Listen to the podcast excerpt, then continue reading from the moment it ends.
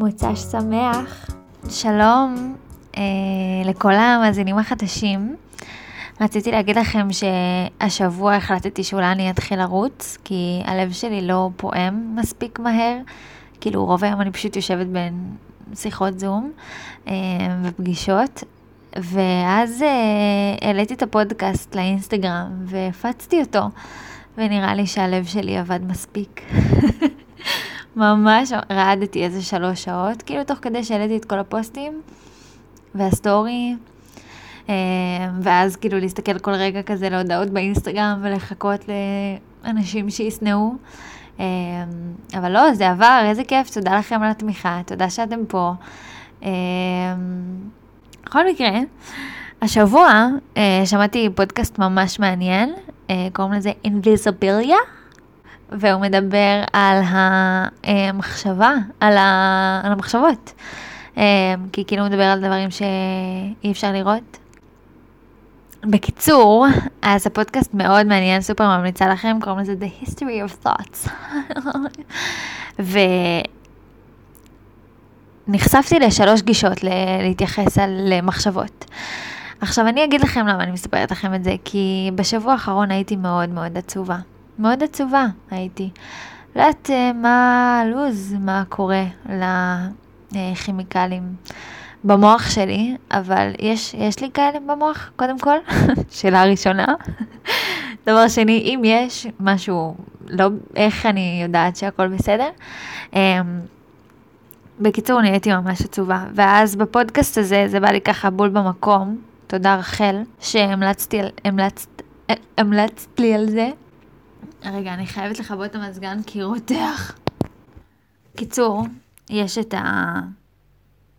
את הדרך הפרודיאנית להסתכל על uh, מחשבות, על הדרך ההתנהגותית. אם מישהו חושב משהו, כנראה שעמוק בפנים יש, uh, יש משהו ש... שגורם לו לחשוב על זה. נגיד אם מישהו פתאום יש לו מחשבות על לדקור מישהו, אז כנראה שבפנים uh, הוא פסיכופת, או או מעוניין בדם, או מעוניין בקרבה, או מעוניין בכאב, ואז צריך לשאול למה הוא מעוניין בכאב. בקיצור, מייחסים מלא מלא מחשבות, מלא מלא משמעות למחשבות. אבל אז יש את הדרך שאהרון בק המציא, שזה CBT. אהרון בק אמר, טוב, אם יש מחשבות, אז uh, צריך כאילו בעצם לא לתת להם הרבה מקום, ובעצם למצוא ביסוס עליהם במציאות. נגיד אם uh, מישהי מרגישה חוסר ביטחון, או שאנשים לא סובלים אותה ולא אוהבים אותה, אז היא uh, תמצא לזה, כאילו, היא תשב עם הפסיכולוג והוא יגיד לה למה, מה גור... את מרגישה את זה במציאות שחברים שלך לא אוהבים אותך? האם זה רק הפרשנות שלך? זה מאוד מעניין. כאילו בעצם להתחיל להיחשף לכמה מהתחושות שלנו, זה רק הפרשנות שלנו למציאות. והדבר השלישי זה המיינדפולנס, וזה איזושהי תחושה שלכולם יש מחשבות שהן עצובות, כמו שהיו לי בשבוע האחרון, ו... וזה בסדר, הם יהיו שם, המחשבות האלה יהיו שם, פשוט לא צריך להעניק להם כל כך הרבה חשיבות, כמו פרויד הראשון, שאומר כאילו, רגע, בוא נדבר על זה, אם אתה רוצה לדקור, כנראה שאתה דקרן, סתם. אמ, אז פשוט לא לייחס לזה מחשבות.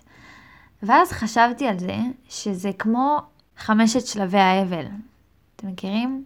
שיש כזה הדחקה, משא ומתן, ולבסוף קבלה. יש חמישה שלבים. ואז חשבתי על זה שזה באמת מה, ש... מה שקורה ב... בפרדות. אם זה כשמישהו נפטר, או כשמישהו נפרד ממישהו. אז בהתחלה זה כזה, אני רוצה לחזור. אני רוצה לחזור, אני, אני, אני רוצה לחזור, וואו, בטח זה שאני רוצה לחזור, מעיד על זה שיש משהו עמוק נשמתי רוחני שקושר את שתי הנשמות שלנו ביחד, הרי. זה, זה ההסבר היחיד הפרודיאני, כאילו, לדבר הזה. ואז יש את השלב השני של ה-CBT, שזה כאילו, למצוא לזה ביסוס במציאות. נגיד ללמה נפרדנו, אה, כי הוא לא שטף מספיק כלים, או... או למה אנחנו צריכים להיות ביחד, כי אין, אין מישהו אחר שיכול ככה להבין אותי. וזה בעצם כאילו קצת למצוא לזה ביסוס במציאות ולנסות להבין מה גורם לי לפרשן את המציאות ככה. ואז הדבר השלישי זה, זה פשוט להגיד כן, נפרדנו, ועצוב לי, ואחלה, מעולה. יהיה לי עצוב.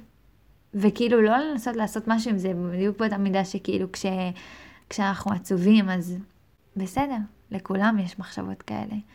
וזו תקופה. בכל אופן, התיאוריה הזאת היא ממש עזרה לי להעביר את השבוע. יש מצב שסיכמתי לכם אה, פודקאסט של שעה בחמש דקות. יכול להיות שזה קרה עכשיו. anyways, כן, אז זה עזר לי. זה עזר לי מאוד. אז אני רוצה לשאול אתכם, מה, מה דעתכם? האם זה שאני אומרת, אוקיי, יש את המחשבה, יש את העצב, אבל לא צריך לשים לב אליו או לא לשים אותו במרכז. כאילו, האם זה מרגיש לכם נכון, או שזה מרגיש קצת אה, הדחקה, קצת הדחקתי. אה, אני תוהה על זה, אני תוהה עד כמה זה עזר לי להדחיק דברים. כאילו, איפה עובר הגבול בכלל בין לתת למשהו מקום ללייחס לו חשיבות? והאם זה מתבטא בעוד מקומות בחיים שלנו חוץ, מ... חוץ מפרידה ו... ומוות? זהו. זה היה השבוע שלי, שבוע מאוד עצוב, שני מבחנים. אמ... הרבה עם עצמי, שזה לא היה עצוב. זה מה שאני מספרת לעצמי. כנראה שהשבוע הזה לא, לא נגמר, כנראה שהעצבות הזאת לא נגמרת בשבוע. אז uh, ברוכים הבאים לפודקאסט עצוב, וזהו, האמת שאני מאוד מאוד מתגעגעת לחברים שלי, שאני לא יכולה לפגוש. למי אכפת? למי אכפת? תגידו לי. חשבתי על זה קצת, ו... והשאלה העיקרית שלי זה כמה זמן אני אמורה לתת לכל שלב.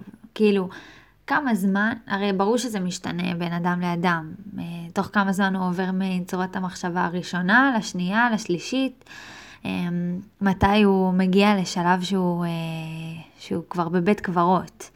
כאילו שיש את העצב ויש לו מצבה, אבל זה לא במרכז העיר, זה, זה, זה בסוף העיר. אבל, אבל לא, יש לי, יש לי תיאוריה, קוראים לזה תיאוריית השבע. וואו, אני ממש מרגישה שהיא מהלב, אני אומרת אותה. טוב, אז כל פעם שאתם מספרים עליה, תגידו שזה שלי, בסדר? טוב, תודה. אז uh, תיאוריית השבע אומרת ככה, ביהדות יש uh, שבעה שמתאבלים על מישהו, וזה לוקח uh, שבעה ימים, כאילו בעצם ש, שאתה מקדיש שבעה ימים, שאתה יושב בבית, אתה לא עושה כלום, אתה יושב ומתאבל, ובאים חברים ואמורים כאילו לנחם. אה, ובעצם לכל יום ביהדות יש איזושהי סגולה. היום הראשון של השבעה, אתה כאילו, אתה עדיין לא שמה, אתה עסוק בלוגיסטיקה, ולארגן כיסאות, כיבוד, לקנות, לשבת, לנקות את הבית, כאילו, אתה לא באמת מנקה, אבל כאילו, אתה קצת דואג לוגיסטית שהכל יהיה מסודר. ואז יש את, ה, את היום השלישי, שאומרים שזה היום הכי קשה, כי פתאום זה נופל עליך, שזה באמת מה שקורה. כאילו לכל יום יש את הסגולה שלו, אבל כאילו לקחתי את האלמנט הזה של השבע מהיהדות, וניסיתי להשליך אותו לחיים שלי. אז, אה, אז יש לו השלכות ברמות שונות, בפרופורציות שונות. וכל פעם שאני מתמודדת עם איזשהו עצב, אני אומרת לעצמי, אוקיי, מיכל, כמה שבע את צריכה? אני אסביר. נגיד אם חטפתי מכה עכשיו בבוהן, בזרת הקטנה ככה של הרגל בתוך אה, רגל של שולחן. אז זה כואב לי בטירוף, ואני לא נושמת מרוב שזה כואב. ואז אני שואלת את עצמי, אוקיי, כמה זמן את צריכה?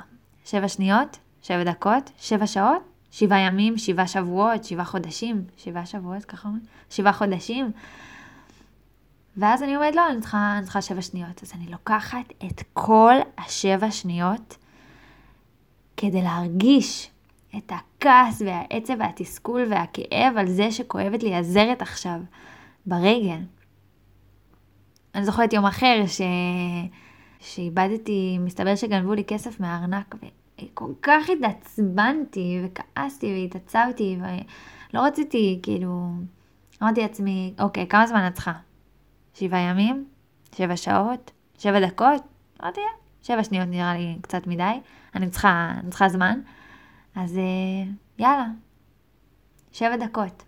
שבע דקות, מאפשרת לעצמי, אין, את כל, את כל התסכול שבעולם. ויש משהו בהגדרת זמן הזאת שכל כך עוזרת לי להתמודד עם העצב, ואני ממש ממליצה לכם בחום על השיטה הזאת. כל עוד אתם יודעים ש... שאתם זוכרים את זה, ששמעתם אותה פה. והדבר הבא שאני רוצה לומר זה, זה שאסור למדוד זמן. אסור למדוד זמנים בשיטה הזאת. כאילו, אי אפשר לשים טיימר עכשיו של שבע שניות, אי אפשר לשים טיימר של שבעה שבוע, שבע, דמת, שבוע אחד, שבע שבועות.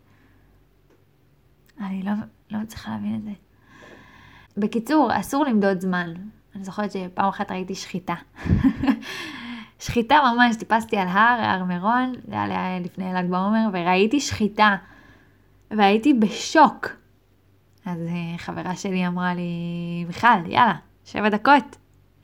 אמרתי ממש שבע דקות. אני צריכה שבעה ימים בשביל זה, והתחלתי לבכות כאילו מה, מהאבסורד שאחרי שחיטה אני אחכה שבע דקות, כאילו. ו... וזה מאוד מאוד מסוכן. קודם כל כי האדם צריך להגדיר את זה לעצמו. זה האלמנט הראשון. והאלמנט השני זה שאסור באמת ל- למדוד לך על טיימר שבע דקות. אתה צריך... חלק מה, מהתפיסה היא שאתה באמת נותן לעצמך את הזמן הזה ואתה לא עומד לעצמך עם טיימר. אז אולי כל התיאוריות האלה של אה, חמשת שלבי האבל ושלושת הדרכים להתייחס למחשבות, הן לא עובדות כי, כאילו זה לא עובד כשזה תהליכי, כי אתה כאילו מאלץ את עצמך לעבור לשלב הבא, אתה מבין שאתה חלק מרצף, ואז אתה כאילו, במקום, במקום לתת מכל הלב את הזמן הזה לעצמך לחשוב ולהיות עצוב, ולא להגיד, אוקיי, יש לי שבע דקות, כאילו, בוא נמדוד באמת שבע דקות. לא, אתה צריך להגיד לעצמך, עצמי, נשמה, יובל, רועי, אני נותן לעצמי את כל הזמן שמגיע לי כדי להיות עצוב. אמ, וזהו, זה, זה הטייק שלי מה, מהדבר הזה. עזבו תיאוריות, עזבו חמשת שלבי האבל. סתם מבאס לדעת שאתה על הקו. על קו, כאילו, כמו, כמו שיש את הטוען במחשב, שאתה רואה שזה 75 אחוז, אתה כאילו רץ על זה. אתה, אתה אומר, הנה, אני ב-75 אחוז, אני באמצע התהליך, אני, אני רץ לשם. חבל, זה סתם מעצבן וזה מציק מאוד. והנה עוד טייק מעולם קצת יותר שטחי.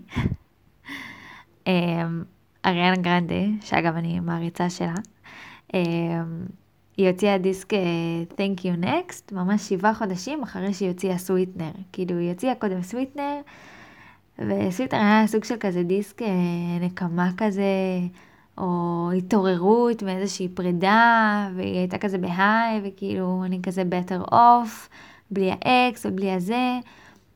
ומשהו בה הרגיש כאילו היא יותר מדי, יותר מדי מקדימה, מקדימה את זמנה, כאילו עדיין לא עברה מספיק תהליך כדי להגיד שהיא, שטוב לה עכשיו בלעדה ו, וכזה. ואז היא הוציאה את Thank you Next בערך שבעה חודשים אחר כך, וכולם אמרו וואי, זה, זה הדבר, זהו, זה הדבר האמיתי, עכשיו זה שירים אמיתיים, עכשיו זה באמת היא עברה את התהליך והיא באמת מגיעה מהלב, ונראה לי שזה גם ההסבר לזה שהיא יכלה להיות במקום שאומר תודה. אז, אה, אז זה מה שהמעריצים אמרו, ואז כל פעם שהייתי באיזשהו מקום ש, שהרגשתי שאני, אני טוב לי, וכיף לי, ויופי, והגעתי למקום טוב, אני לא צריכה אף אחד, אני לא צריכה את ההוא, ואני לא צריכה את הזה, אז כאילו משהו בי אמר, רגע, אני, אני בסוויטנר, אני עוד לא ב-thank you next, אני, אני עוד במתיקות בילדותיות הזאת, שחושבת שהיא ניצחה. וזה גם דפק אותי, כי, כי סתמי, למי אכפת, כאילו, מה, את, את גונבת לעצמך את המציאות, את גונבת לעצמך את ההווה, עכשיו את בסוויטנר, אז תהיי בסוויטנר. כאילו, משהו בזה שידעתי שיש לי עוד אלבום להוציא בתהליך התבגרות שלי, קצת, אה, קצת גרם לי לעמוד בציפייה, ולא באמת לחוות את, ה, את השלב ההכרחי הזה שהוא הסוויטנר. אז זהו. לסיום, אני מציעה לכם אה, אה, לשמוע עוד על התראות אם יוצא פודקאסט חדש אצלי בעמוד באינסטגרם, ולשתף חברים וחברות, אה, ולבוא לכאן להקליט איתי. אה, ממש אה, ממש אשמח. ביי.